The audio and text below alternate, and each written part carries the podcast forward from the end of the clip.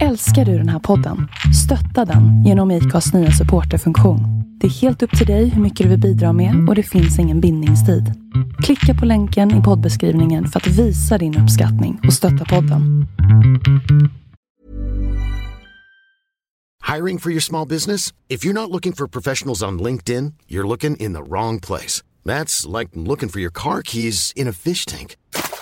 LinkedIn helps you hire professionals you can't find anywhere else, even those who aren't actively searching for a new job but might be open to the perfect role. In a given month, over 70% of LinkedIn users don't even visit other leading job sites. So start looking in the right place. With LinkedIn, you can hire professionals like a professional. Post your free job on linkedin.com slash people today. Hey, Dave. Yeah, Randy. Since we founded Bombus, we've always said our socks, underwear, and T-shirts are super soft. Any new ideas? Maybe sublimely soft. Or disgustingly cozy? Wait, what? I got it. Bombus. Absurdly comfortable essentials for yourself And for those facing homelessness. because one purchased equals one donated. Wow, did we just write an ad? Yes. Bombas. Big comfort for everyone. Go to bombas.com slash ACAST and use code ACAST for 20% off your first purchase. Jewelry isn't a gift you give just once. It's a way to remind your loved one of a beautiful moment every time they see it. Blue Nile can help you find the gift that says how you feel and says it beautifully with expert guidance and a wide assortment of jewelry of the highest quality at the best price. Go to BlueNile.com and experience the convenience of shopping Blue Nile, the original online jeweler since 1999. That's BlueNile.com to find the perfect jewelry gift for any occasion. BlueNile.com. Hej kära lyssnare och varmt välkomna ska ni vara till årets första avsnitt utav Sveriges mest tongivande podcast. Två låtar och en kändis. Och egentligen så kan jag inte tänka mig en bättre start på det nya året än att få presentera en gäst som jag själv känner att jag har så mycket gemensamt med. För där finns passionen för fotbollen, musiken, skrivandet, Sverige, Italien, kärleken och livet. Han har lirat i samma band med Olle Ljungström. Han har skrivit och gett ut 22 böcker och är flerfaldigt prisbelönad för sitt skrivande. Han har bland annat tilldelats Dan Andersson-priset och två gånger minsann har han också blivit utsedd till Sveriges bästa sportjournalist. Vi har även kunnat höra honom i klassiska program som programledare för Karlavagnen i Radio P4. Och tillsammans med Johanna Koljonen har han också vunnit det klassiska programmet På spåret lett av Ingvar Oldsberg en gång i tiden. Lägg där till en medverkan i Let's Dance och sedan inte minst podden Studio Allsvenskan med över 500 gjorda avsnitt. Men idag, då medverkar han här i två låtar och en kändis i vårat 127 avsnitt. Kära lyssnare, låt mig nu i sedvanlig ordning och med största stolthet och respekt välkomna dramatikern, poeten, journalisten, programledaren och framförallt den magiska författaren Marcus Birro. Ja, tack så jättemycket. Shit, jag blir lite generad, men det var fint. Tack. Du har en del att leva upp till med det här CVt. Ja, det lät som jag tänkte, vem fan ska komma in? Vem kommer in genom dörren nu liksom? Men det var ju jag. Så att, ja, jag, jag är jätteglad också att du trycker på, som vi sa innan vi drog igång också, men som du, presentationen här, framför allt författaren. Det är ju det jag gärna helst är, så att när du trycker på det blir jag extra glad. Tack så hemskt mycket. Du, det var faktiskt en fråga jag hade tänkt att ställa till dig. Utav alla de här eh, karaktärerna som du faktiskt har haft framgång i, vilken är det som du känner att du hör hemma mest i? Och det är ju uppenbarligen författarskapet då. Ja, så är det ju. Sen om, ja, det är skrivandet. Sen om det gäller liksom tunna diktsamlingar om tidens gång eller romaner. Eller kröniker eller vad det är. Men just att uttrycka sig i skriftlig form är, är ju basen så att säga för allting annat man gör. Sen, Mm. gör. sen gör man en massa andra grejer också. Men det är, för mig är det grunden. Vi ska komma in mycket, mycket mer på det här så småningom. Men först och främst så vill jag ju naturligtvis ställa frågan hur står det till med Marcus Birro en dag som det här på det nya året? Nej men det är bra, vändas blad. Det finns alltid någonting väldigt befriande i markören som står och blinkar uppe i ena hörnet. Och man har alla chanser och alla möjligheter och det startar om och sådär. Sen kan man göra det egentligen när som helst på året. Men det blir ju väldigt mycket enklare när allt är städat och allt är klart. Och man kan ta en första du vet, nyårspromenad och känna att allting ligger framför en. Det är en spännande tid. Mm. Är det mycket som ligger framför dig?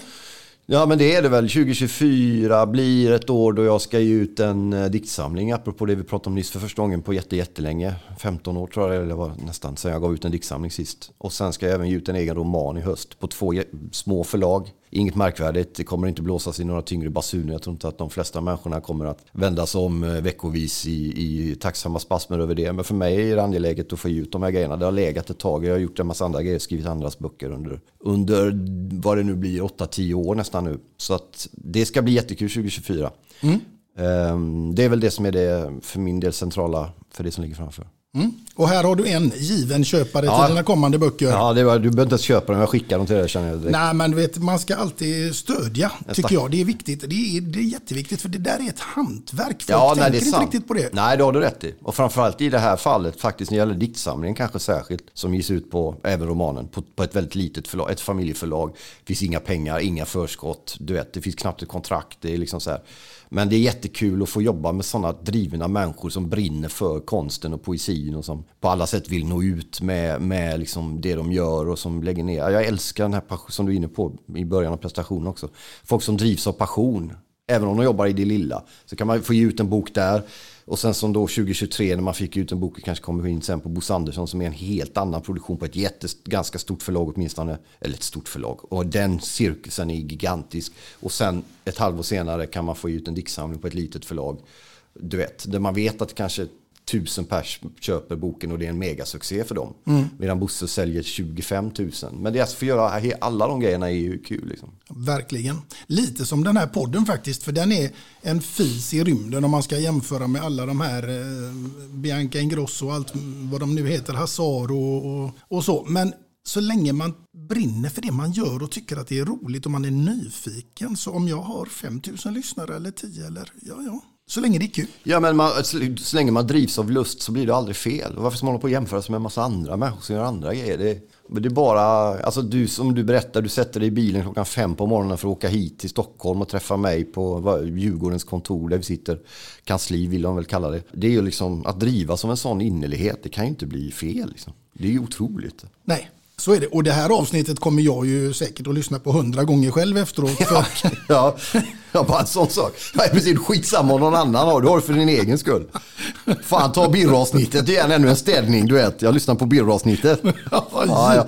Och när jag ska samla inspiration till mitt skrivande på min kommande bok, vem ska man lyssna på? Ja, det är klart man lyssnar på Birro. Ja. Ja, bra. Det gläder mig. Ja. För den ska du få ut. men det är härligt. Ja, bra. Du, jag tänker att musik Mm. är ett ämne som berör oss alla människor på ett eller annat sätt. Mm. Ja men så är det ju. Alltså musiken har ju alltid varit, eh, jag har nog blivit åtminstone lika influerad eller påverkad av, av, av, um, av musik och artister som av, av författare genom, genom livet. De, det finns en direkthet där. Och det har också varit så att den poesin och litteraturen jag gillat att läsa har legat nära rocklyrik. Rocklyrik har ju, är ju ett väldigt definierat språk, det går rakt in liksom. Poesi kan ju vara tyvärr jävligt svårt och tillkrånglat och kultursidoonanistiskt liksom. Och jag har alltid velat vara en motkraft mot den skiten. Och då har ju musiken varit väldigt mycket mer direkt, talat direkt i hjärtat, man blir berörd, man har en låt på radion och du vet du får knotter över hela kroppen och sådär. Så har jag velat att po- poesi också ska vara. Men jag har väl nästan oftast funnit den i musiken mer nästan än i, i ja det finns ju bra poeter också såklart, men, men den, är, den är mer frekvent i rockmusiken. Är du lite av en rebell? Jag har, ju var, alltså jag har ju varit det kanske, men i kulturvärlden så har jag ju aldrig blivit det var därför, när vi träffades innan vi drog igång här så du berättade att du tyckte mycket om mitt skrivande och läst mina böcker, en del av dem har hittat, har till och med med en och sådär. Då blir så här, jag, blir all, jag tycker det känns jättekonstigt. För jag har, aldrig blivit, jag har aldrig sett på mig själv och aldrig blivit betraktad som en riktig författare. Jag blir aldrig recenserad på kultursidor, jag är aldrig med i några kulturprogram. Eller. Det fanns en tid när jag kunde reta mig på det, men det, det har gått över liksom. Men för mig är ju det helt oförståeligt. Nej, men de, är- de har ju, de har en annan, ett annat kall. Liksom. De, är, de är drivna av andra saker. Eh, och de, de sitter oftast där för sin egen skull i sina manchesterbrallor och håller varandra bakom ryggen och skriver obegripliga recensioner av ännu mer obegripliga diktsamlingar och allt sånt där. Och jag har all, alltså alltid velat slå in dörrarna till den skiten. Jag har alltid tyckt, men även när vi bodde i Göteborg tidigt 90-tal, jag och min brorsa när vi började med våra grejer runt om där så var vi alltid emot etablissemang men också emot de andra alternativa jävla rörelserna. Du vet folk som skulle rulla in kokosnöt i ett rum och kalla det ensamhet och pretentiösa människor i du vet, sjalar och skit som skulle göra saker svåra och, och, och vi ville dricka öl och, och läsa dikter som folk begrep om kärlek och stå i kajal och gråta på scen. Och så. Jag har alltid velat göra det på, an, alltså göra det på ett eget sätt. Liksom. Om jag ska ta till mig någonting utav den här sörjan, ja men då vill jag ju ha någon som snackar samma språk som jag lite. Mm. De talar ju inte det, det språket liksom. Det finns ju, men däremot, problemet är ju att det, att det finns en väldig massa bra konst, poesi, musik och litteratur som en massa människor missar för att det finns grindväktare i kulturvärlden som håller liksom den för sig själva eller skriver svåra texter om den på sina egna sidor. De låser in kulturen och gör den till sin och förvägrar en massa människor. Liksom. Det, det, det där är också någonting som jag har retat mig på genom åren. Känner väl energin i min egen kropp nu att jag fortfarande delvis gör det lite. Men, men samtidigt så har jag, jag har slutat bry mig så mycket om det. De har sin värld och, och jag försöker göra mina grejer och, och nå ut ändå. Liksom. Och det gör du förbannat bra, så fortsätt med det. Ja, tack. Du, var det svårt för dig att välja ut två låtar tills idag? För det var ju ett uppdrag du fick att göra. Du ska du inte avslöja dem här Nej, än, det men- var skitsvårt. Jag har tänkt på det flera dagar. Så jag har bollat med, liksom, ska jag ha den? Nej, jag har den. Alltså, två ju, man vill ha tio åtminstone. Man vill ha en skiva liksom. Men det finns ju en, en idé med att det är två, fattar jag ju sen. Så att det var svårt. Ska Men, bli- men kul. Ja, det ska bli jättespännande att, att få reda på vad det till slut landade i. Men Marcus Birro, född den 15 juni 1972 i Göteborg och uppväxt i Angered. Ja, just det.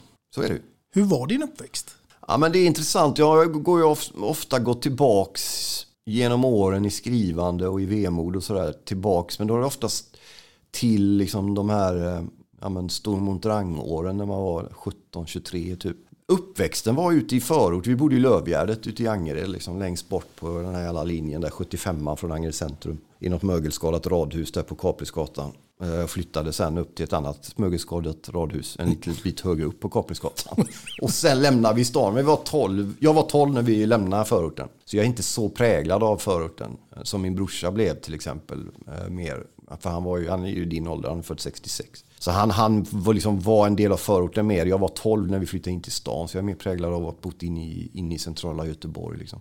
Men det är en ganska trygg och normal uppväxt tycker jag. Med en storebror, Peter och mamma som jobbar i hemvården och pappa som jobbar som vaktmästare på Vasa sjukhus. Mm. Sen så gjorde ju vi någon form av klassresa när vi då lämnade förorten och flyttade in till stan. Min pappa började jobba med min kusins klädesföretag i Italien och vi började tjäna mer pengar. Det gick, företaget gick väldigt bra och jag kommer ihåg vi fick, kunde köpa en Volvo och ja, men byta lägenhet och hade liksom råd med lite dyrare vanor och sådär. Så då, det fattar man ju inte då men det förstod man efteråt att det var ju någon form av klassresa när vi kunde lämna förorten liksom, för att flytta in till stan. Men ändå skönt att ha upplevt bägge sidor, tänker jag. Ja men det är, så är det ju. Det är ju massa grejer som skvalpar runt i blodet som kommer från den, den tiden. Liksom. Man blir ju präglad av det. Sen var ju förorten 1984 när vi flyttade därifrån en helt annan typ av plats än vad många förorter är 2024. Så att det har ju gått var det 40 år liksom. Mm. Jag tänker att jag måste ju naturligtvis fråga dig vad som är ditt absolut första musikaliska minne som du kan härleda till från en sån där jätte, jättetidig ålder. Det är eh, min brorsa som låste in mig i sitt rum och satte Ebba Gröns Profit singel i händerna på mig. Och jag fattar ingenting av det.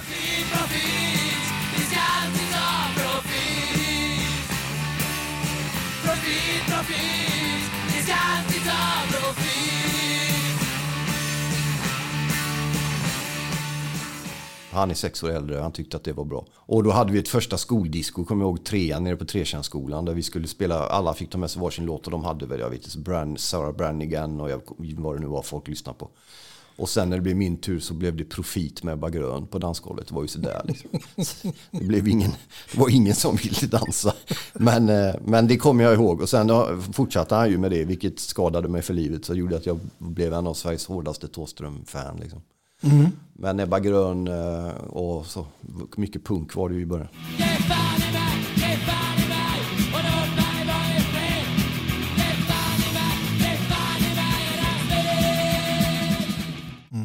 Det är en härlig tid.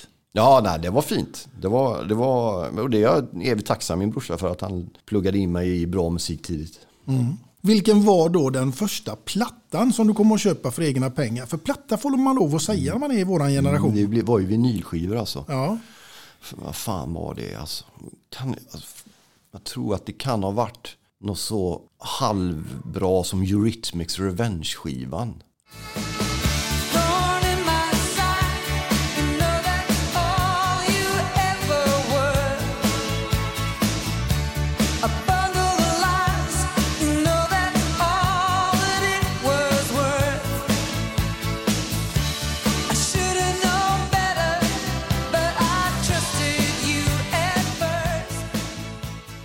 2006, alltså 13-14 någonting. Ja. Om inte den var först. Jag vill ju säga att det var något annat, men jag tror fan det var Eurythmics alltså.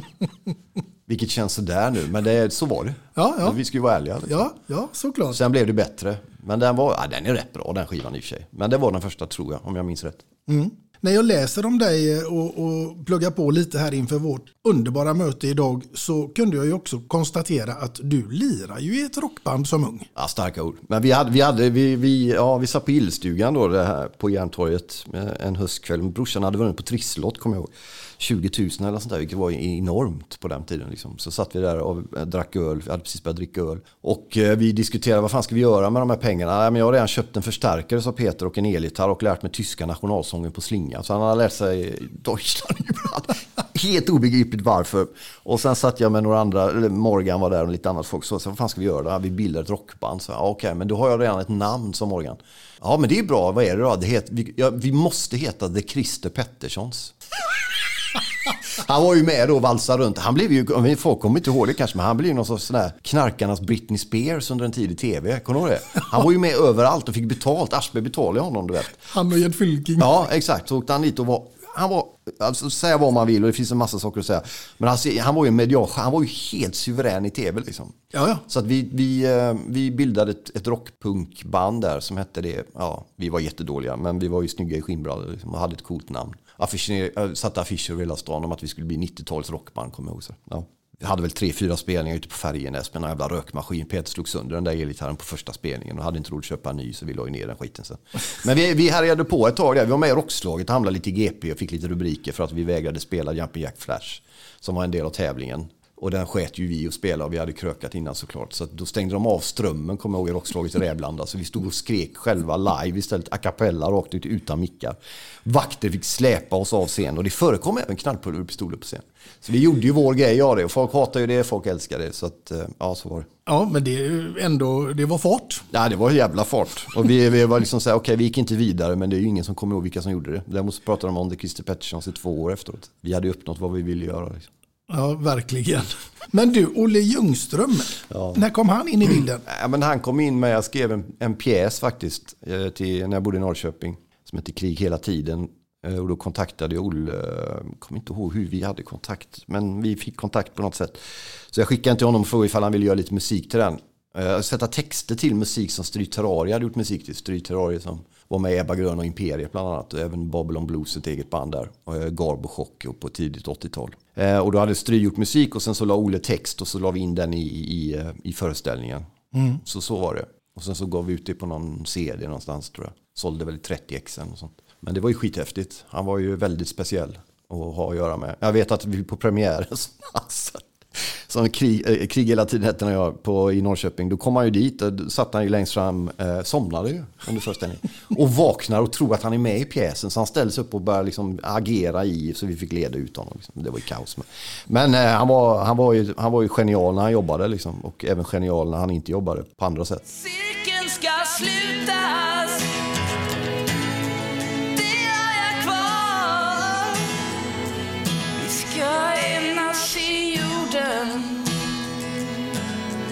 Jag och min far Det var jag jättestolt och glad över att han ville vara med och hjälp, göra den grejen. Du har ju många strängar på din lyra, men var det någonting som, som du kände att du ville fortsätta med det här med att skriva? Nej, men min bror skriver ju dramatik. Så jag, jag har aldrig varit speciellt intresserad av det. Men jag fick en chans när jag bodde i Norrköping av en teaterförening. skrev- Men skriv en pjäs. Och då testade jag det. Och, det, och då ja, så gjorde jag det en gång. Och det var, gick jättebra. Det var skitkul. Men, men det, nej, det var nog mer där och Jag skrev någon novellfilmsmanus till någon grej som gick på SVT för 20 år sedan också. Men annars så var inte repliker och dram, drama min grej riktigt tror jag. Nej, du har gjort många saker. Du har varit programledare och du har varit poet och du är journalist och författare och ja.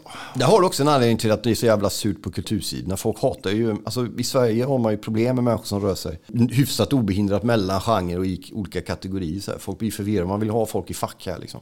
Men fan tror du att du är som plötsligt ska göra de här grejerna? Blir lite gränslöst. Och det, i mitt fall så blev det ju gränslöst i vissa grejer. Vi kanske kommer till liksom grejer man inte borde ha gjort eller saker man borde inte ha skrivit och saker man hamnade i och sådär. Men det är också kul att göra en massa olika grejer. Liksom. Alltså testa saker som man inte ska göra om man är författare.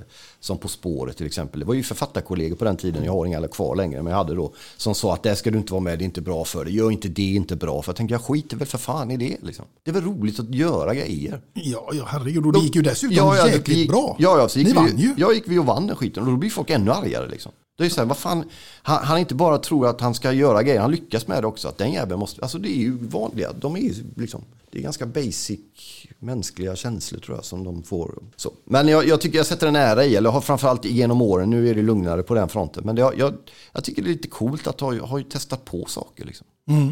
Ja, verkligen. Du har ju ett liv på det liksom. Så är det. Att sitta och liksom analysera och tänka ah, det kan vara är det bra för mig eller då. Eller ja, jag vet inte. Det finns perioder i livet. Just nu är det en annan period. Men då var det kul att testa grejer. Liksom.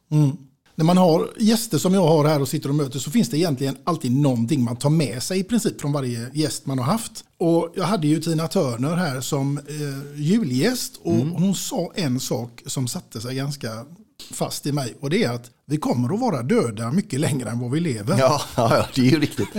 Jag tänkte, ja, jo det har du ju helt rätt i. Ja, exakt. Och man, man, eh, man, det var också en ganska lång tid innan man fick vara med en stund. Det gäller att komma ihåg de grejerna. Jag vet att när jag jobbade för någon allsvensk klubb och skulle byta någon. Jag gick till, jag var, skitsamma, jag var i Sirius eller något sånt där. Så hade då SVT Uppsala något sånt där, en sedvanlig upprakning. Så, ja, han har varit med i en del kontroverser, han har gjort en del grejer. Och så var det en upp och så tänkte jag så här, jag vill inte gå in och läsa det, liksom, det är bara jobbigt. Men så tänkte jag, jag går in och kollar lite. Så, så såg jag, så, han har gjort det och det. Och så tänkte jag, ja, allt var ju inte klockrent liksom. En del saker ångrar man kanske. Men ändå, vad fan, det är en människa som har gjort, testat på en massa saker.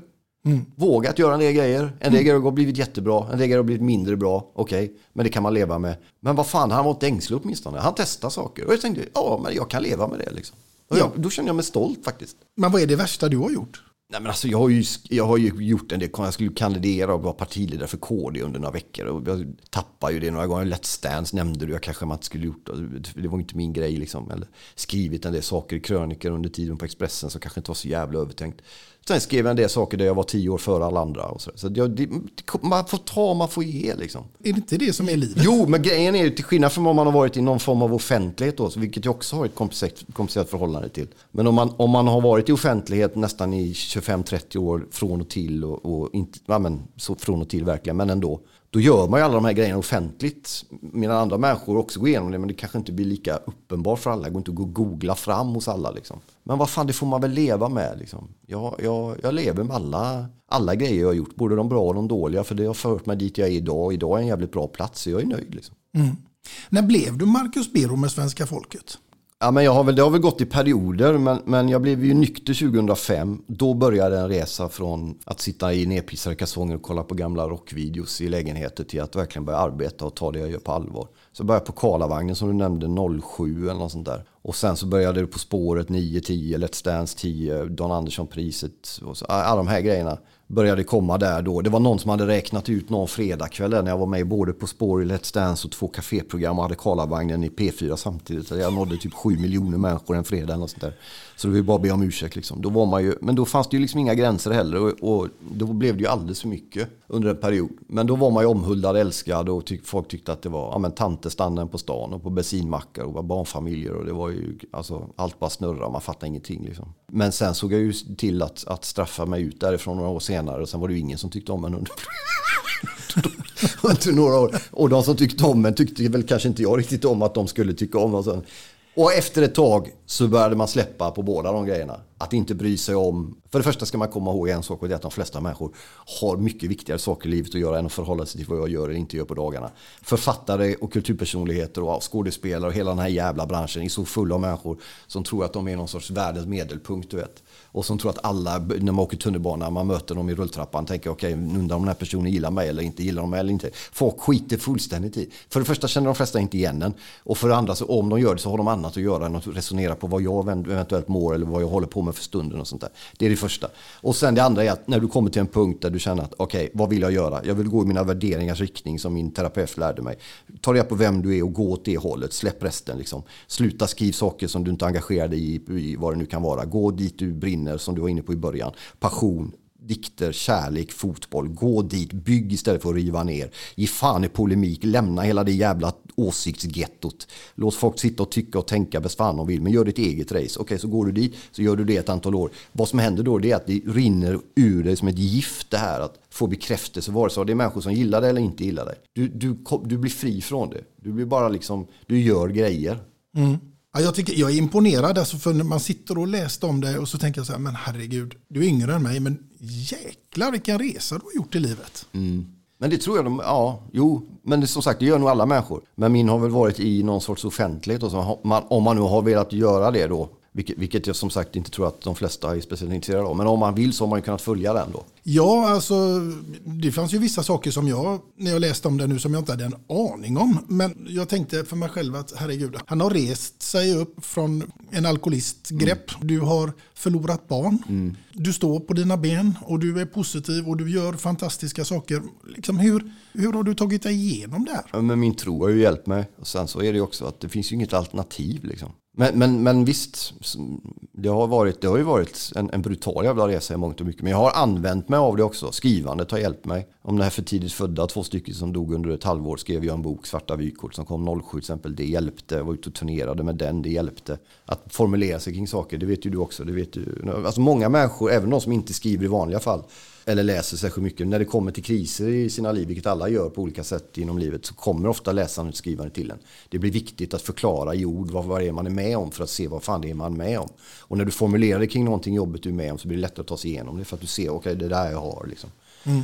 Men den största resan är nog de sista fem sex åren skulle jag vilja säga. Alltså när jag var uträknad och utkastad från alla jävla sammanhang och folk spottade på mig fysiskt på stan. Jag gick med mina barn liksom. Prog, proggtjejer på Södermalm och, och jag, menar, jag hade fått någon sorts naziststämpel och jag hade åkt ut från alla jävla sammanhang. Och det var ingen synd om mig. Jag, och det var inte det liksom, jag hade. Jag hade knutit ihop mina egna skosnören i mångt och mycket så jag skyller inte på Expressen eller någon annan. Det, det var mitt eget fel stort. Men att därifrån, och jag förlorade varenda jävla inkomst, det är inget unikt med mig. Men jag gick liksom från 400 000 i månaden till noll. Liksom, så, så jag tänkte, okej vad fan gör jag nu? Och det tog ju skitlång tid att verka den skiten i blodet, inte att sluta vara bitter, att se att okej, vart är det jag vill gå? Jag vill gå åt det hållet. Och har folk varit dumma mot mig? Ja. Har folk varit mer dumma mot mig än mot någon annan? Nej. Okej. Oavsett vad, du måste resa dig upp för att inte bli bitter. Du måste gå vidare för annars blir du bitter. Vad vill du göra? Jag vill bygga med mitt skrivande. Jag vill vara positiv. Jag vill vara en glad, mötande människa. Vart finns den? Jag går åt fotbollen. Så då hamnade jag i, i fotboll. Började studera allsvenskan och så byggde vi den till, till en av Sveriges största poddar om fotboll liksom, under de här sista fem, sex, sju åren. Jag har ju fått jävligt mycket chanser också. Svensk fotboll har gett mig massor med chanser. Eh, folk har skrivit böcker om har gett mig chanser. Eh, Lasse Berghagen gav mig chans. Bosse Andersson, Mats Magnusson, Daniel Kindberg, Per Karlsson i AIK. Och alla jag har fått träffa som har hjälpt till. Och då har jag känt, ja men fan, gör det här liksom. Och släpp mörkret, släpp stenen. Och gå vidare. Liksom. Det är inget synd om dig. Det, det är inget synd om dig. Liksom. Jag, jag älskar ju att du håller på med både fotboll och även dina andra böcker som inte handlar om fotboll Mm. utan mer om livet. Ja, vi har mycket gemensamt som vi ska prata om och så har vi Italien på det också. Mm, bara en sån sak. Ja, herregud. Sen handlar ju fotboll om livet. Ja, men det är ju Så det. är precis. Mm. Du, jag tänker att jag ska backa tillbaka lite i, i musikens tecken. Mm. För att jag har också fått reda på att du faktiskt blev ombedd utav Imperiet Mm. att skriva deras eh, biografi. Ja, alltså det var bland det sjukaste jag varit med om. Det var, jag fatt, ja. det var ju skivbolaget där som ringde och frågade. Vi, vi var- de gav ju ut en box 07 tror jag det var. Och sen har de gett ut den igen då. Men- Men, men då var det så här, vill du skriva boken om, om Imperiet till boxen? Ja, det vill jag. Det, var ju mina, det var ju mina idoler när jag växte upp. Det var ju det största som fanns. Liksom.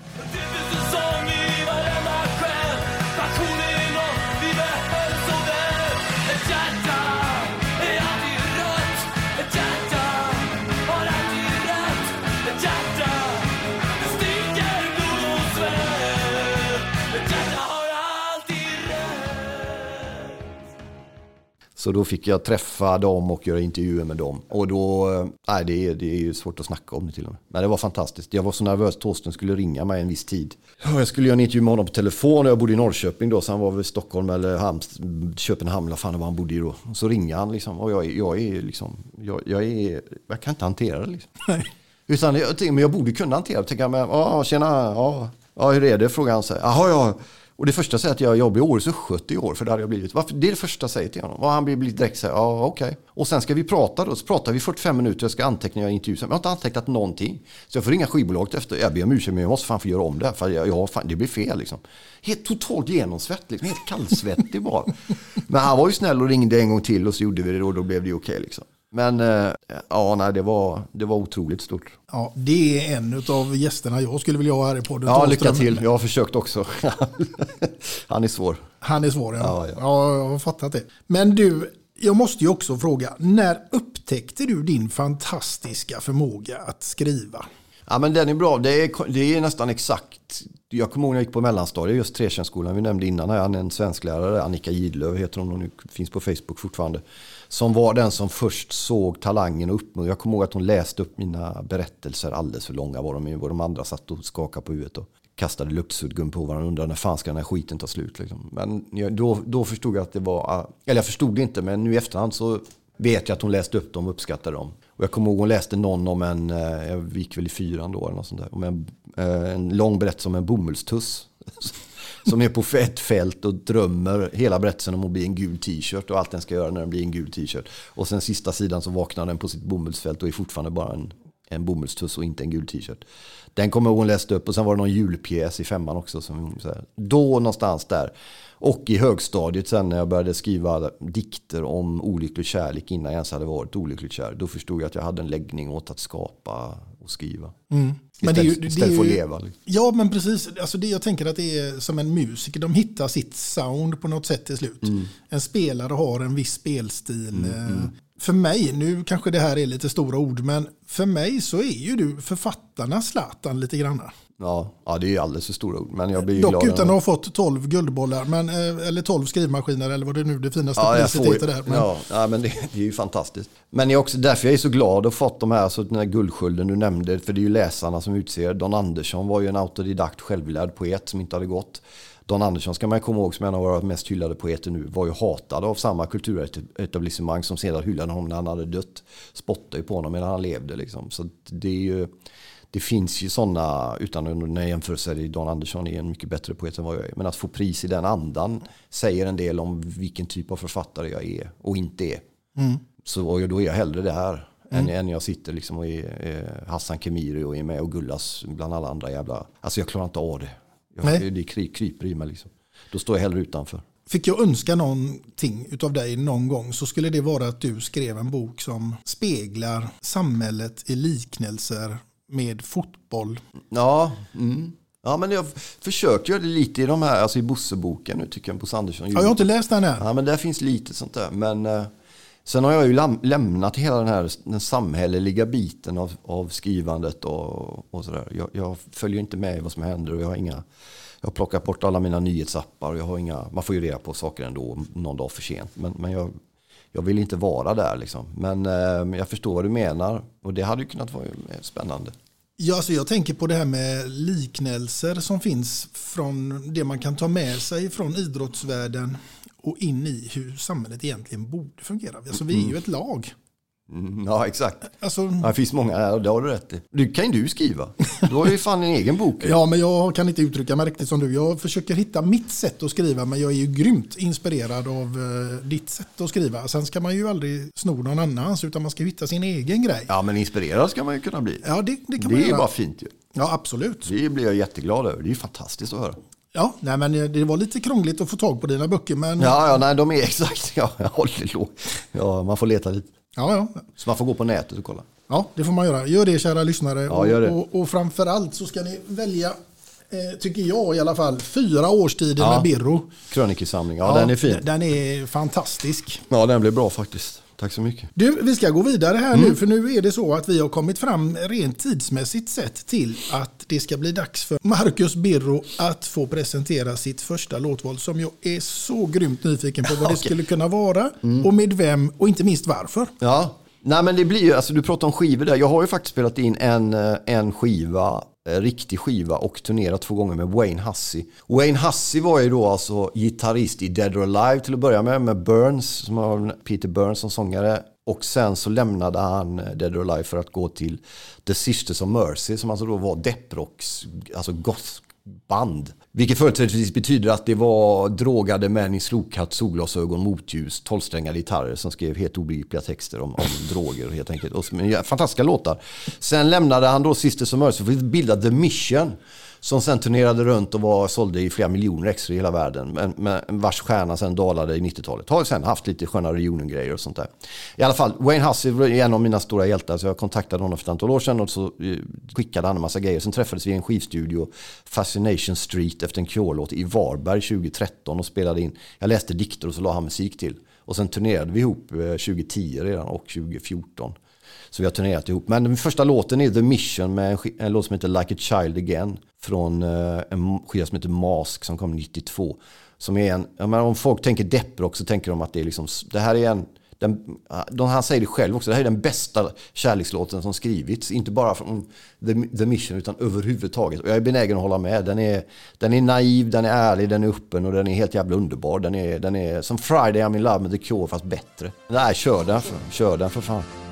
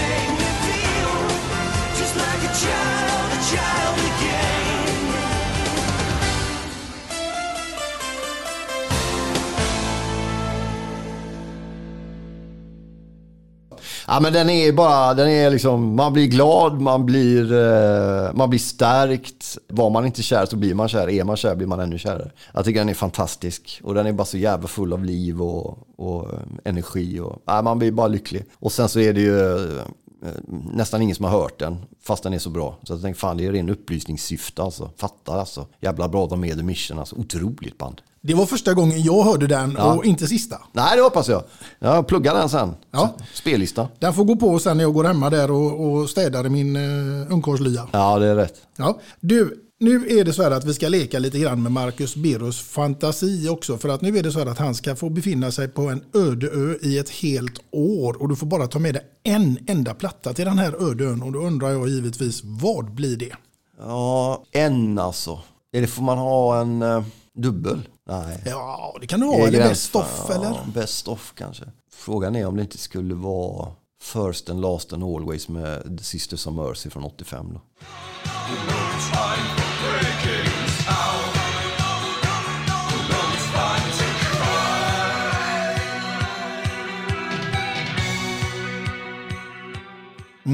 Den, är, den är bra. Och då, då, då klarar du dig på en Då öde ö. kan jag klara mig ett år faktiskt. Ja. Den är fina även alltså. Ja.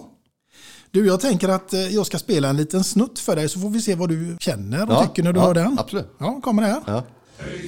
är världens bästa gäng, gäng, gäng. ÖIS är laget som tar två poäng. Två också. Nu vi spelar bollen Kvickt och rätt, vi ska vinna lätt i sällskapet. Ja, nej, den sitter ju, den kan man ju. Det är ju som de flesta låtarna om fotboll för 30-40 år sedan bedrövligt. Men naturligtvis är det ju ÖIS-låten så den kan man ju. Ja. Hur blev du öjsare? Alltså farsan kom ju från Italien på 60-talet. Eh, 63 tror jag det var. Något sånt. Och då gick han, eh, han håller på Juventus i Italien. Och då gick han för, för att, när han kom till Göteborg, bodde i baracker ute i Gamlestan, jobbade på SKF där. Och sen så skulle han gå och skaffa sig fotbollslag. Så gick han och kollade på en Gais och en IFK-match, Blåvitt och en ÖIS-match. Och då gjorde ÖIS en bra match. Och då sa han, nej fan ÖIS, då blev han ÖISare. Och sen åkte vi från vår, i vår gula jävla Golf varenda hemmamatch från förorten in till Ullevi för att möta ÖIS-Gunnar, en annan där. Vid någon jävla staty där vid Nya Ullevi spelade de ju på den tiden. Ja. Och så gick vi och kollade där ihop med 2000 andra tappra ÖISare. Och regnade så var det något färre. Och sen stod vi där och led oss igenom säsong efter säsong. Fram till 85. Och påminn mig inte om det. Exakt. Var du där eller? Ja. Ja, du var på plats? Ja, ja. Ja, det var jag med. Det var ju fantastiskt. Då vann de ju 4-2 i första matchen. Ja. Sören Börjesson bland annat skruvade in ett fint mål på kvällen, torsdag kväll. Just det. Otroligt mål alltså. Ja, det vill man ju gärna förtränga. Ja, Som, det kan eh, vi prata mer om. Och sen var det ju då returmatch på söndagen och då fick de ju stryk med 3-2. Men eh, då hade ju ÖIS redan gjort ett mål mer och det räknades ju på den tiden. Så då vann de SM-guld under den tiden när Blåvitt var som bäst, som du då säkert och alla andra kanske också vet. Men Blåvitt vann ju Uefa-cupen 82 och 87. Det här var 85, så de var ju i sin prime. Och ändå kunde ÖIS vinna då den här, det här SM-guldet. Det var ju otroligt stort. 86 slog man Barcelona hemma på Ullevi med 3-0 bland Exakt, annat. exakt. Det var just det, den där jävla matchen ja. Så att, eh, nej det var ju otroligt såklart. 13 år gammal, eller 12 eller vad det var jag var där. Får stå och kolla på det. Det var... Men de hade bra profiler där ÖIS. Det var ju Glenn Martindal, Janne Gidebratt, Ja, ja. eh, Sonny Åberg. Ja. herregud. Ja, nej, det är fint att du kommer ihåg. Ja, ja, ja, herregud. De gubbarna, ja, de glömmer man inte helt Nej, vare sig du vill eller inte. Nej. Kommer du ihåg dem? Framförallt inte om man åkt bil med Janne Idebratt. Det, det, det glömmer man aldrig. Nej, vadå då? Han pratar eller? Nej, men han kör som en jävla biltjuv. ah, så han är farlig alltså? Ah, okej. Vi skulle åka, jag, Ralf Edström och Janne Idebratt och kolla på Degerfors Parma. Ja, ja, ja, just det. Så då åkte vi från Göteborg vi tre. Åh helvete vad han körde. Ja, okej, han var farlig. Ja, men det var kul i och för sig, men Ja, ja, du sitter ju här idag så det gick ju väl. det gick väl. Ja, Dock inte så väl för Degerfors, men de gjorde en bra match. ja just det. Nej, det är sant. De fick stryk däremot. Asprilla, Just det. vilken kung. Ja, Mom deserves the best, and there's no better place to shop for Mother's Day than Whole Foods Market. They're your destination for unbeatable savings, from premium gifts to show-stopping flowers and irresistible desserts. Start by saving 33% with Prime on all body care and candles. Then get a 15-stem bunch of tulips for just $9.99 each with Prime. Round out Mom's menu with festive rosé, irresistible berry chantilly cake, and more special treats. Come celebrate Mother's Day at Whole Foods Market. Ready to pop the question? The jewelers at BlueNile.com have got sparkle down to a science with beautiful lab grown diamonds worthy of your most brilliant moments. Their lab grown diamonds are independently graded and guaranteed identical to natural diamonds, and they're ready to ship to your door. Go to BlueNile.com and use promo code LISTEN to get $50 off your purchase of $500 or more. That's code LISTEN at BlueNile.com for $50 off. BlueNile.com code LISTEN. I'm Sandra, and I'm just the professional your small business was looking for. But you didn't hire me because you didn't use LinkedIn jobs. LinkedIn has professionals you can't find anywhere else, including those who aren't actively looking for a new job but might be open to the perfect role, like me. In a given month, over 70% of LinkedIn users don't visit other leading job sites. So if you're not looking on LinkedIn, you'll miss out on great candidates like Sandra. Start hiring professionals like a professional. Post your free job on linkedin.com/people today. Hey there, it's Michelle Norris. I'm host of a podcast called Your Mama's Kitchen. When I travel, I'm usually looking for a way to find a taste of home when I'm not at home. And one of the things I love to do when I am at home is entertain. And Airbnb allows me to do that. When I was in California recently, I rented a house that had a great kitchen. And when we were sitting around the table, we're all thinking, we're in someone else's house. Someone could be in all of our homes as well. If you have a home, but you're not always at home, you have an Airbnb. Your home might be worth more than you think. Find out how much at airbnb.com/slash host. Burrow is a furniture company known for timeless design and thoughtful construction and free shipping, and that extends to their outdoor collection. Their outdoor furniture is built to withstand the elements, featuring rust-proof stainless steel hardware, weather-ready teak, and quick-dry foam cushions. For Memorial Day, get 15% off your Burrow purchase at burrow.com slash ACAST and up to 25% off outdoor. That's up to 25% off outdoor furniture at burrow.com slash ACAST. Du, eh, landet Italien tänker jag att vi ska komma in lite grann på. För det är också någonting som vi har gemensamt. Det är landet som jag bara älskar. Jag tänker att... Hur kommer har... det sig då? Vad, vad, hur började det? Liksom? Ja, nej men alltså till att börja med så är det ju så här att Italien har kaffet, det är något som jag gillar. De har glassen, de har maten, de har fotbollen inte minst. De har språket, de har kulturen, de har modet. Ja, men säg något som de inte har. Liksom. Nej, det är mycket de har. Det är som eh, om Giuseppe Verdi, kompositören som sa det. Du kan få hela universum bara jag får Italien. Det, det ligger en del i det. Alltså, det är väldigt mycket av det som, om man är som du och jag uppenbarligen verkar vara då, på ett visst sätt stämda i en viss tonart så är det mycket Italien som talar rätt in i, i oss på ett bra sätt. Liksom. Det slår an någonting. Notti magiche,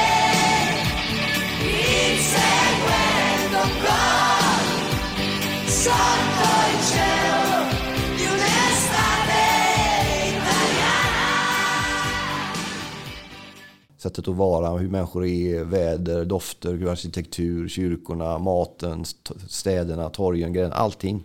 Fotbollen, ja men he- hela grejen liksom. Det är många, och det behöver man inte vara någon Italienkoppling, eller ha en italiensk släkt, blodskoppling. Det är många jättesvenskar som älskar Italien som också är sådana. Så det talar till en väldig massa människor runt hela världen, liksom, det italienska. Och det är häftigt. Jag har en sån där målande dröm om att få bo i en, på en liten ort som gammal.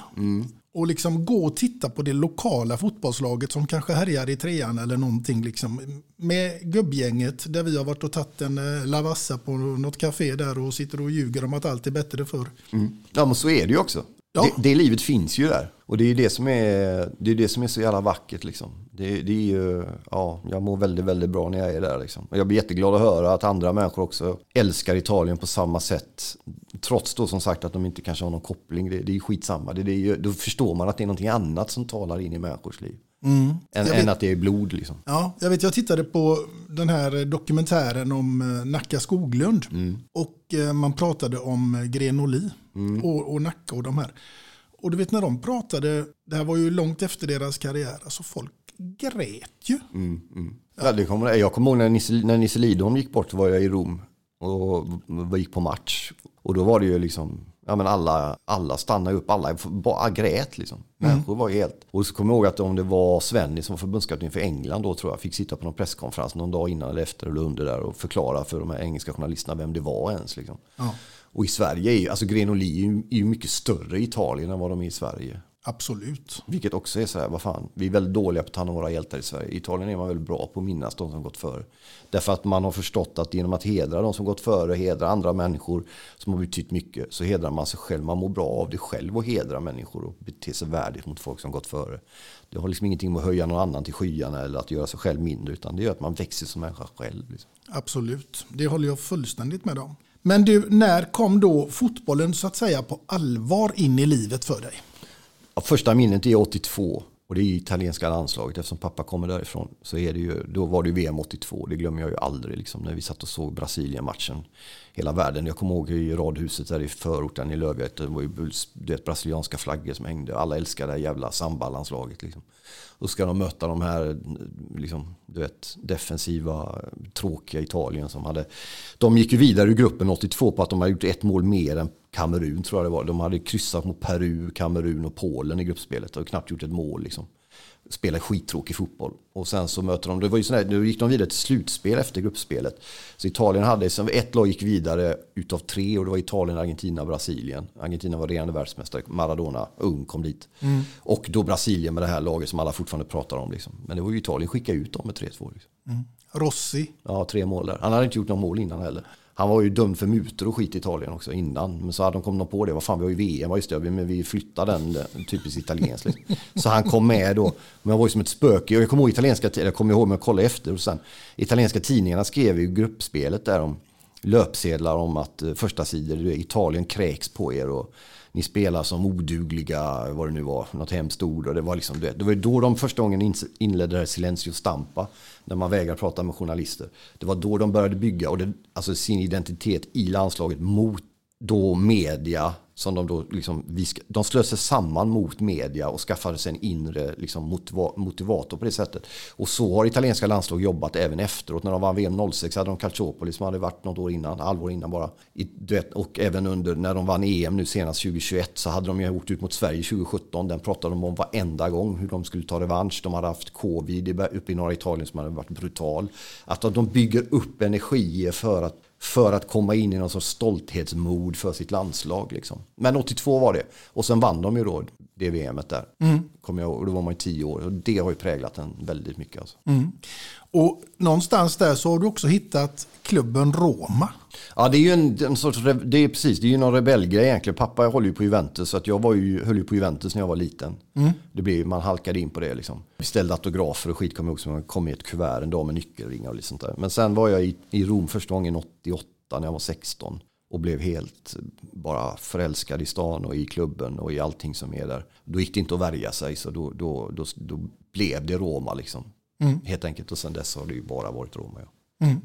Då tycker jag vi kör en liten snutt här får vi se. Ja, bra. Roma, Roma bella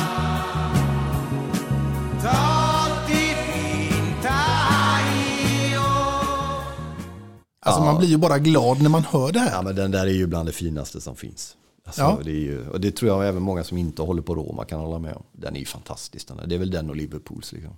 You never walk alone. Ja, den är okej också. Men den här är, den är, ja, det är rysningar varenda jävla gång. Alltså. Ja, verkligen. Otroligt. Du, nu tänker jag att jag ska fråga dig bästa minnet ifrån din karriär. Vad skulle det kunna vara?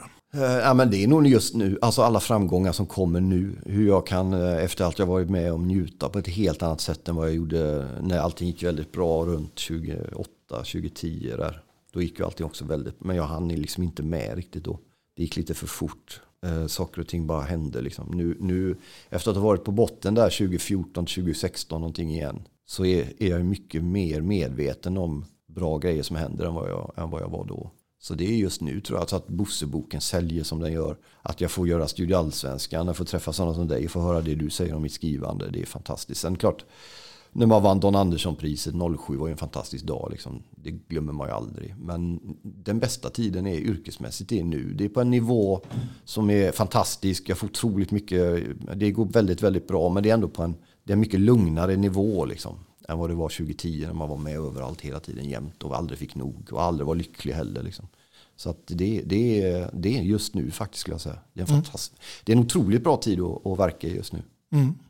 Ja, det, det är inte bara Superbosse här eh, utan det är ju också eh, Lasse Berghagen Ja, som verkligen. dessvärre har lämnat oss. Eh, Men det är ju otroligt fint att du fick vara med den sista tiden och faktiskt slutföra boken.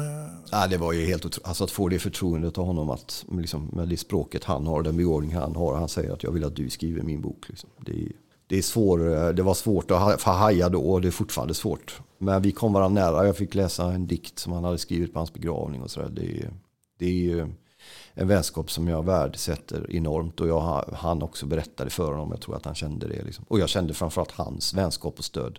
Otroliga. Jag vet att förlaget ringde någon gång till honom innan vi hade skrivit. Så att, ja, men jag behöver upplysa dig Lasse som förläggare att Marcus Birro har ju varit i en del och då avbröt han honom. och sa du visar mig den författare som inte någon gång varit i någon skandal. Marcus Birro ska skriva min bok, punkt. Det, och det är Lasse Berghagen som tar, tar striden för en. Liksom då, i, i, i det, det, är, ja, det är overkligt. Han är, han var, han är, eftersom han är diktare så överlever han ju alltid. Han dör ju aldrig. Liksom.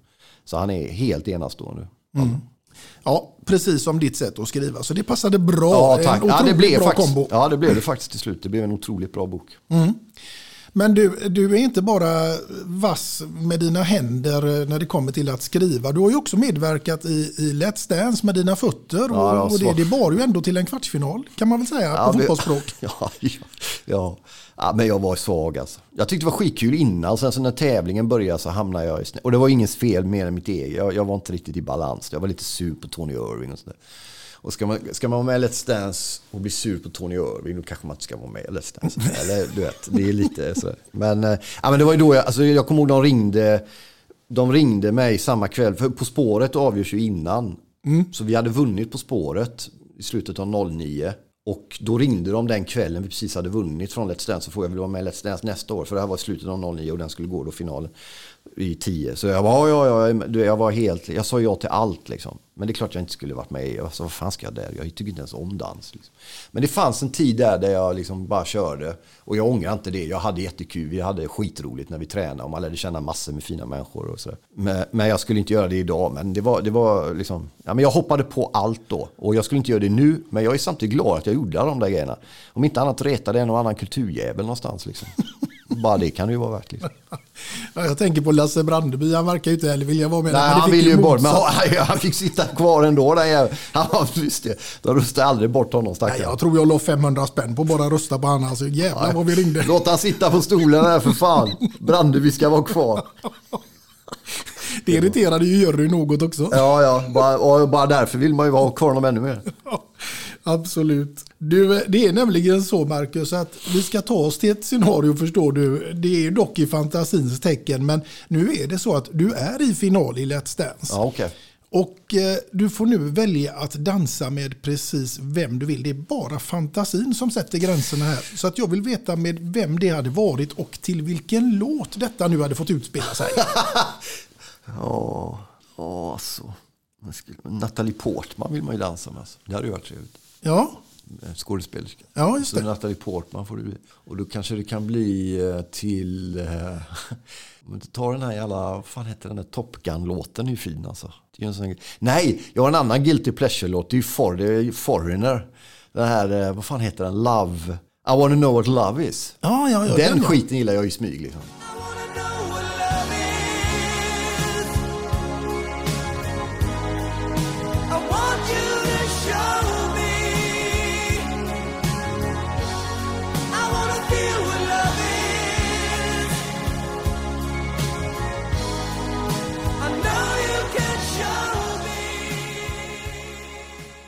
Den gillade du i smyg. Ja, och Aha gillar jag i smyg också, norska pop. Det är, Ja, Take On Me. Ja, exakt. Och de här, men vi tar Foreigner där. Mm.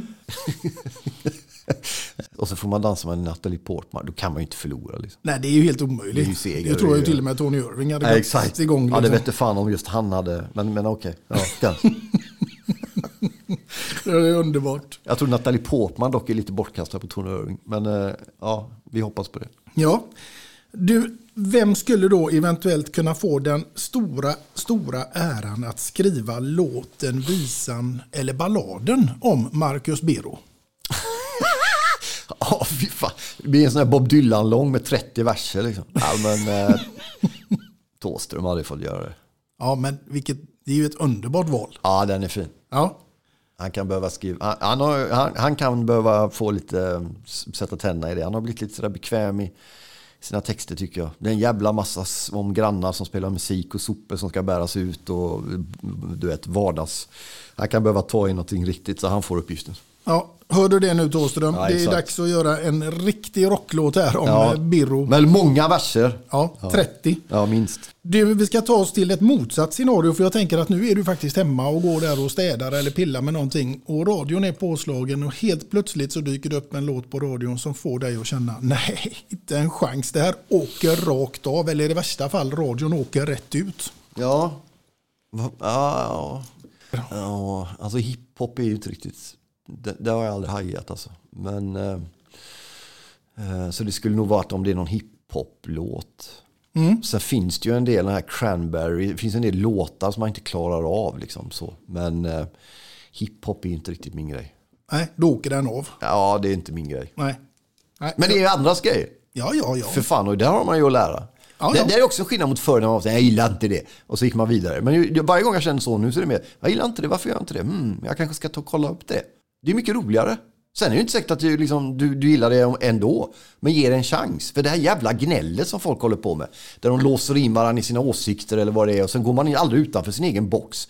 Då hinner du ju dö också innan du går utanför. Du måste gå utanför din box.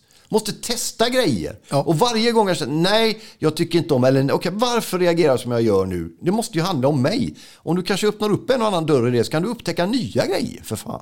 Det gäller ju mig och hiphopen med. Liksom. Ja. Jag bara säger det. Ja, det är helt rätt. Jag Ja. håller med dig. Ja, ja, jag har gett det en chans tycker jag, men jag, jag landar fortfarande i att den kommer inte med på topp tre-listan. Nej, nej, men sen kanske man hittar någon Eminem-låt eller, något sånt där, eller någon Run DMC eller något, så blir det så, fan det är ju inte så jävla illa. Man måste testa. Så är det. Ja, ja, Absolut. Det. Du, vi tar oss ifrån den där avstängda radion till eh, ett eh, middagsbord hemma hos Marcus Bero där scenariot är följande. Du ska ha en middagsgäst. Också här är det bara fantasin som sätter gränserna. Alltså precis vem som helst. Ja, okej. Död eller levande? Jajamän, och jag vill veta vem den gästen hade varit, vad du hade bjudit den här gästen på till middag och slutligen vilken låt som hade fått ligga där i bakgrunden till den här fantastiska middagen. Okej. Min farsa får vi då, eh, han, han måste ju få laga mat. Han är ju, det är hans konstform. Liksom. Han går upp halv fem och skalar räken. Han ska laga er. Han är helt sjuk alltså. Mm. Han är så jävla stirrig och virrig när det gäller allting. Han har ingen aning om vad som händer någonstans. Och det har inget med hans ålder att göra. Utan han är bara lost i tillvaron. Men varje gång han lagar mat så är det som perfekt symfoni. Ja, du vet, harmoni bara. Han har koll på läget. Så han får laga mat. Jesus får man ju bjuda in. Fråga hur fan, vad är, vad är det som händer egentligen? Liksom? Mm. Det här snacket om, du vet, som vi har pratat om i 2000 år. Stenen som rullades bort och du låg inte där. Var det någon som tog eller var det så att du, hur fan gick det till och varför har du inte kommit tillbaka? Vad är det som hände? Liksom? Ja. Måste ju snacka om det här med dig. Liksom. Ja. Då är det lika bra att fråga honom. Ja. Det är ju Jesus. Liksom. Så får vi se vad fan det är, om det är något att ha. Nu sitter jag här och funderar på, undrar om det är någon gäst mer som har valt Jesus. Jag vill tro det, men jag kommer inte på vem. Nej, det är nog kanske en klassiker. Liksom. Men det hade jag ju, men då får man ställa mot väggen lite för jag tror han orkar det. Liksom.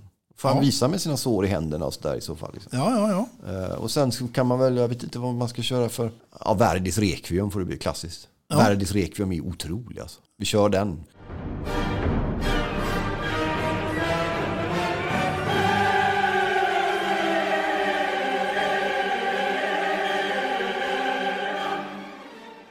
Blir dramatiskt och fint där med Jesus och så lagar pappa mat. Det blir ju som en jävla drömmiddag.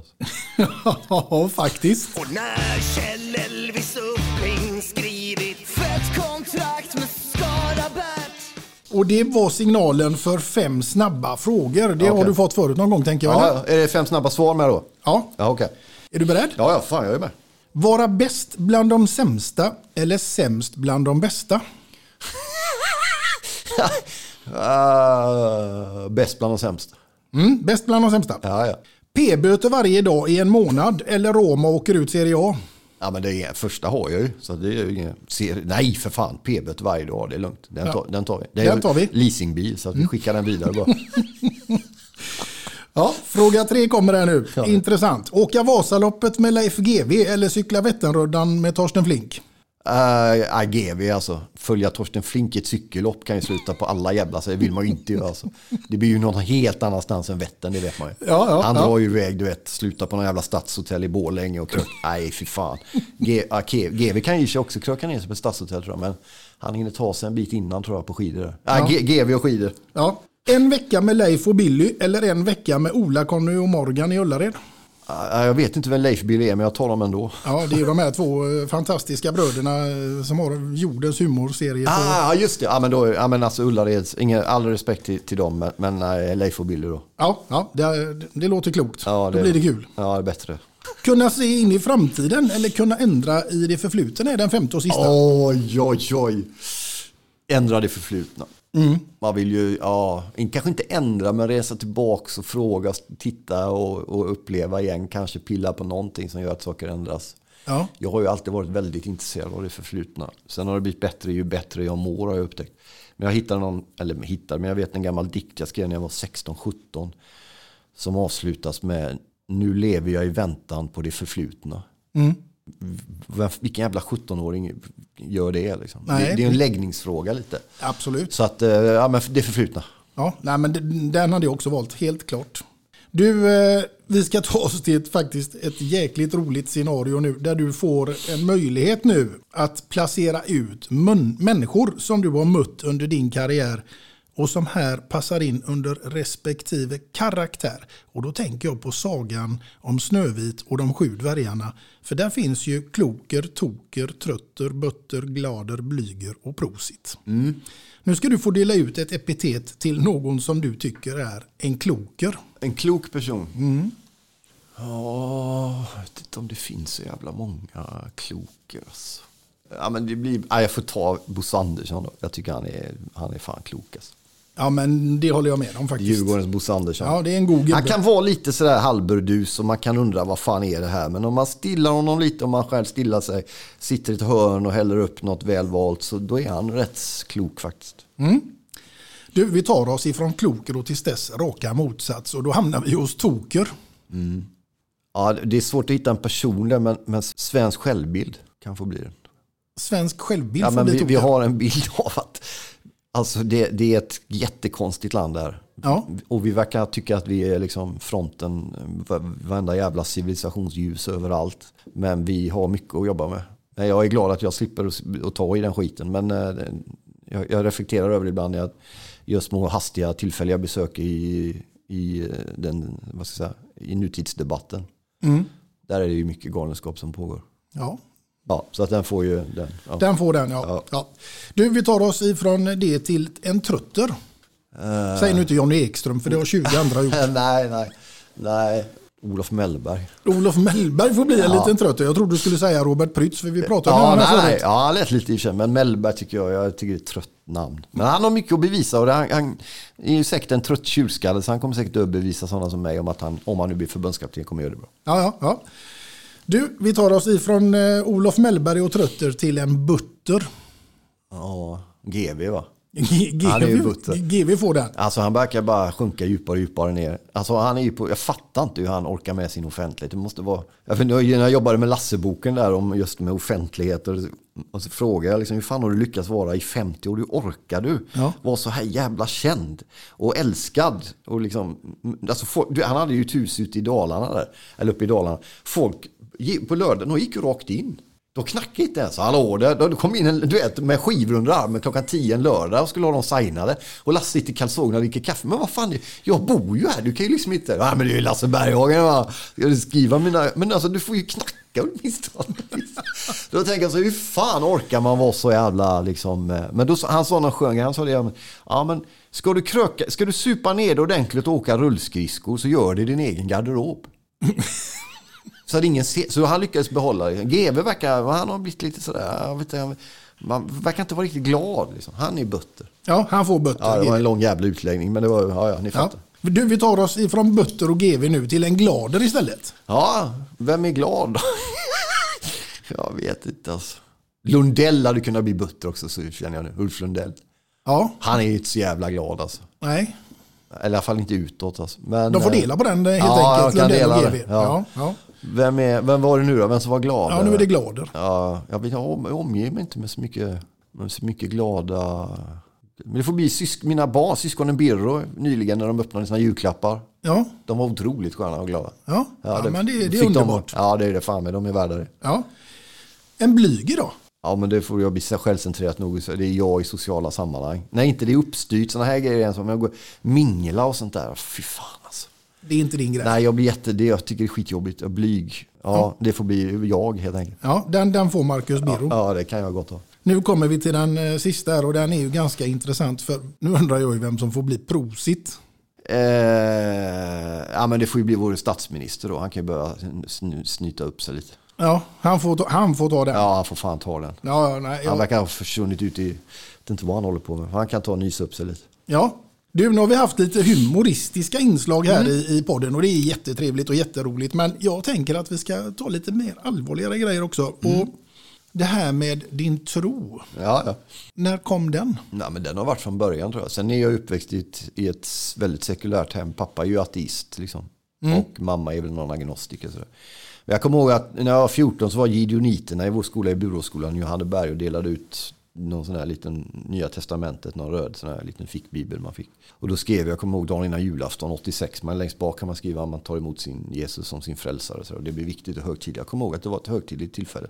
Sen har jag alltid läst och alltid bett och alltid liksom haft det. Sen har det ju kommit och gått inom åren beroende på hur man har levt sitt liv. Men det är någonting som har funnits hela tiden. Mm. Sen har det tagit sig en del publika uttryck också. Återigen eftersom jag under en period ville göra allt väldigt publikt och offentligt. Och jag tog många strider och jag skrev mycket om det här. Och blev även utsedd till årets kristna förebilden och sånt där. Och tidningen Dagen 2013. eller vad det var.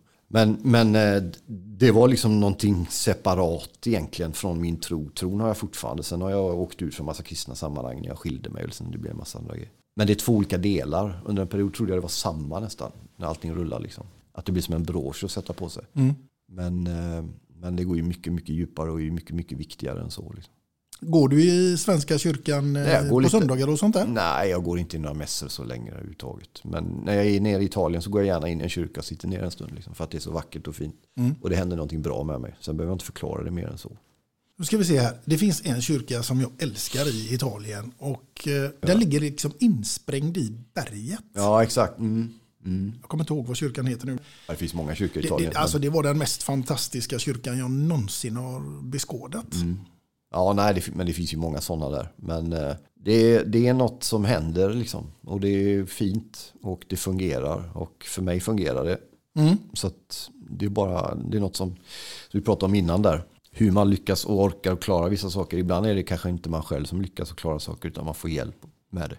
Mm. Nu ska du inte få någon hjälp för jag tror du klarar det alldeles utmärkt ändå. För det har blivit dags för ditt låtval nummer två här för Ah, dagen. okej. Som jag också är grymt nyfiken på vad det är. Ja, nej, men det blir ju det blir Imperiet och det blir en uh, låt som heter jag är, en, jag är en idiot från eh, en skiva som heter Tiggarnas tal som blev deras sista skiva, kom 25 maj 88. Och jag minns mycket väl när jag skolkade från skolan den dagen för att gå och köpa den. Jag gick på gymnasiet på Schillerska och den kom att definiera hur, ja, men, den kom ju så rätt, jag var 16 och den blev liksom Tåström och de här i Imperiet fick en att förstå att man kunde vara där man var och att det var okej och annorlunda och man kunde klä sig i sina Dr. Martens och sina tajta tjejjeans och kajal och svart skinnjacka och basker.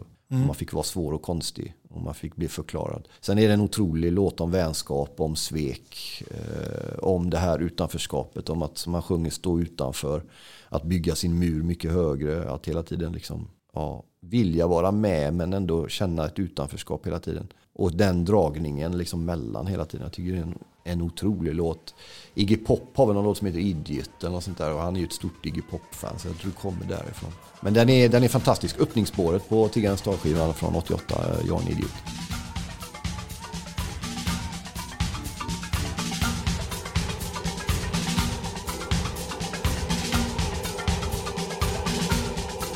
Oh, jag har kommit ner till jorden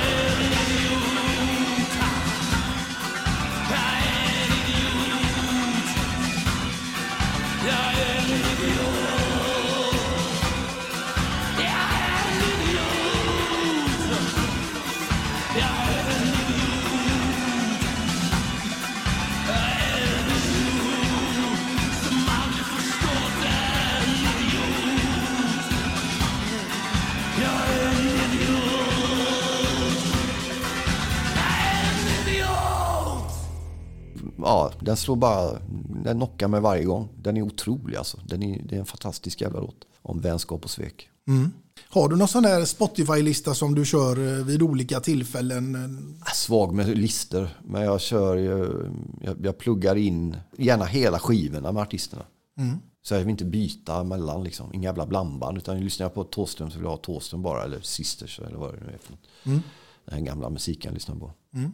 Var hämtar du din inspiration någonstans? Det är ju en fråga som jag känner, där måste jag ju ställa när det kommer till det här med att skriva och så. Liksom. Åker du iväg på ställen? Nej, eller? jag behöver inte åka någonstans. Men det kan vara skönt att åka någonstans. När man sen kommer hem kan man bli inspirerad. Men inte att åka någonstans och skriva där. Utan att man fylls på med andeljus och ma- liksom upplevelse. Mat det kan det vara, det kan vara fotboll, vad fan som helst. Och sen när du kommer hem så har det landat och då kan man skriva om det. För mig är det inte så att jag åker någonstans, blir influerad och skriver en massa på plats. Utan det är saker som måste landa i en. Liksom. Men annars är det ju liksom relationer, livet, utveckling, hur man själv handskas på nya sätt med uppbrott, till exempel skilsmässor. Att man kommer till en insikt om att de här topparna man är på, vare sig om det är privata eller yrkesmässiga, att du måste ner från dem. Men att du nästa gång du går ner från en sån kan du bete dig värdigare både mot dig själv och mot andra i den ordningen. Alltså utvecklas, att känna att fan, jag kanske klarar den här separationen bättre, skilsmässan bättre om jag lär mig handskas med att livet består av skilsmässor och uppbrott hela tiden. Att man aldrig är framme med någonting. Mm. När jag var ung så trodde jag det, liksom, att man kommer fram någonstans. Men att handskas med, det är en jävla inspiration att gå vidare själv. Det jag tycker det här samtalet har varit en röd tråd i. Att återuppfinna sig själv hela tiden, att göra nya grejer, att lämna saker är också jävligt inspirerande. Mm. Sluta med att göra dåliga saker. Börja göra bra saker istället. Bygga nya vanor. Mm. Gå och träna oftare. Eller du vet, bära ut kartongerna innan de översvämmar hela lägenheten. Eller ta hand om sina barn bättre. Eller stänga av skärmen själv när du går och äter med barnen för att lyssna. Och så. där. Det är inspirerande. Den egna resan. Och sen ser man, när du gör en egen resa mår du bättre och då orkar du se andra människor runt omkring dig. Och då kan du även bli inspirerad av dem. Liksom. Mm. Ja, klokt. Jag tar till mig det lite grann. Jag brukar själv liksom, ja, det kommer sådär oregelbundet. Rätt vad det är så kommer det bara en anda liksom att ja, nu sätter jag mig och skriver och så Mm. funkar det. Sen kan det vara skrivtorka i tre veckor. Mm. Ja, så kan det ju vara. Men jag, jag tror att man behöver arbeta upp den här eh, ådran lite. Liksom. Jag tror inte att man bara kan gå och vänta på inspiration. Utan om du sätter dig ner de första två, tre dagarna kanske inte händer något. Fjärde dagen är du ändå igång. Då, håller, du liksom, då rullar tåget på något sätt. Så inspiration är någonting du kan arbeta dig till också. Mm. Du kan inte gå runt och bara vänta på den för då händer ju ingenting. Liksom. Du måste jobba med Du måste sätta dig ner. Okej, nu måste jag börja med det här. Den blinkar markören. Jag börjar skriva någonting så ser vi vad som händer. Fattar du? För Mm. då, får, då kan du, det du sen kanske kommer få användning för, det ligger några rader längre ner i dig.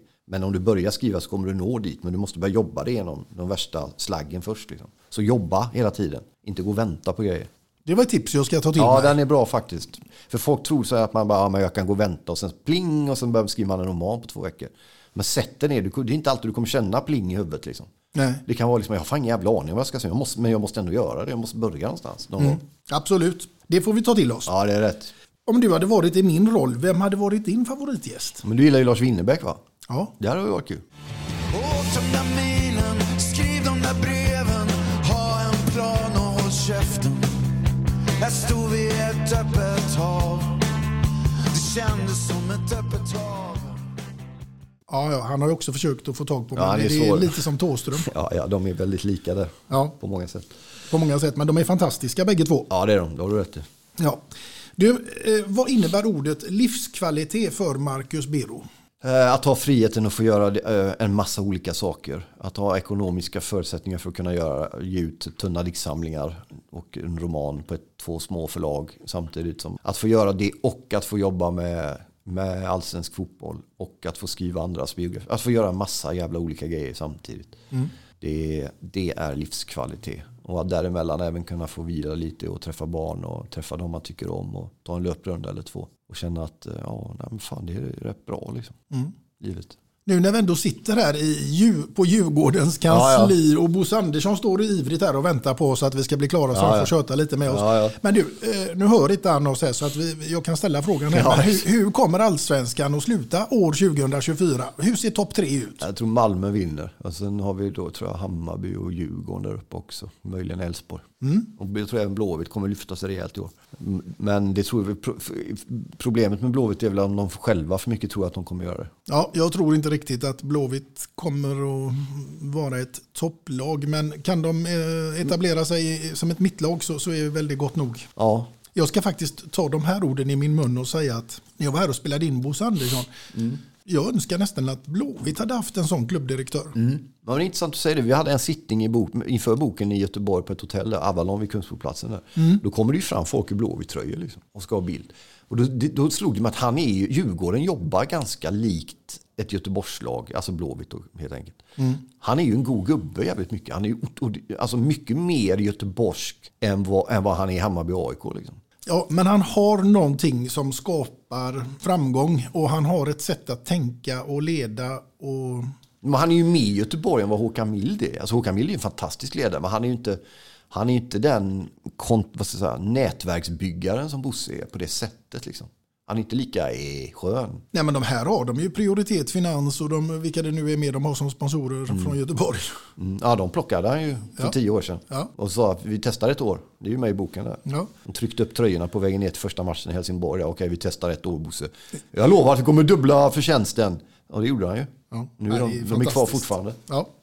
Underbart. Vi får läsa den boken här sen. Ja, den är fin. Du, nu ska vi eh, faktiskt eh, fråga Marcus Bero. Hur ser dina morgonrutiner ut? Morgonrutinerna. Ja. Vaknar. Tidigt oftast. Och så upp och så brygger jag mitt italienska superstarka mockabryggd kaffe. Och sen så om, jag har barnen varannan vecka ser jag till att de får frukost och kommer till skolan. Och sen sätter jag mig och arbetar. Ja. Så det är som... Det jag tänkte fråga det var om kaffet. Om kaffet var viktigt för dig på morgonkvisten. Ja, ja italiensk mockabryggt eh, kaffe måste det vara. Eller måste det vara, men eh, ja det måste det vara. Ja. Jo, som sagt var, jag undrar ju om kaffet var viktigt för dig. Ja, men det är det ju. Ja, Du sa ju det själv här, det görs ju i Italien det bästa. Absolut är det så. Och eh, då tänker jag så här att jag ska få be och bidra med någonting till dina morgonrutiner. Och det är väl med en kaffemugg här med två låtar och en kändis. Och givetvis får du också då ditt namn ingraverat på den här otroligt fräcka muggen. Ja, det gläder mig. Stort tack. Nu kan jag dricka mitt morgonkaffe och starta varje dag med den här. Alltså. Ja, grymt. Stort tack du. Ett stort tack till dig Marcus Bero vill jag säga för att du tog dig tiden och engagemanget att vara med Det här. var ju du i- som tog dig tid. Det var ju du som åkte bil från Göteborg hit för att komma och träffa mig. Ja. Jag, jag, jag tog en kvart för mig att rulla hit, så det är du som ska ha tack. Så Det har varit en jättestor ära Marcus och Detsamma. eh, jag hoppas självklart att vi återförenas vid fler tillfällen. Hör av dig för fan. Två, två en kändis en gång till. Ja, två låtar och en kändis en gång till. Ja, exakt. Ja, men stort tack för att jag fick vara med. Och till er kära lyssnare så säger jag ju självklart att ni ska hänga med i nästa avsnitt och vem som sitter framför mig då, det återstår ännu att se. Men tills dess, ha det så gott där ute allihopa så hörs vi. Hej då! Hej då och tack för att ni har lyssnat.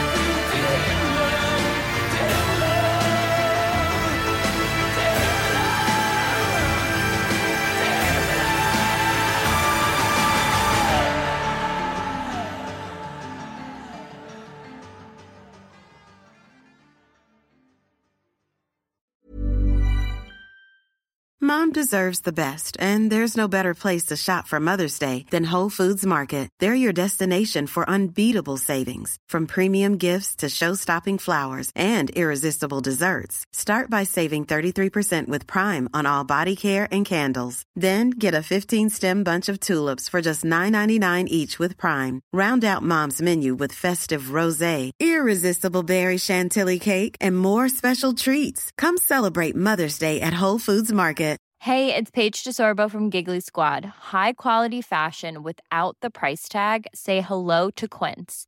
I'm snagging high-end essentials like cozy cashmere sweaters, sleek leather jackets, fine jewelry, and so much more. With Quince being 50 to 80% less than similar brands.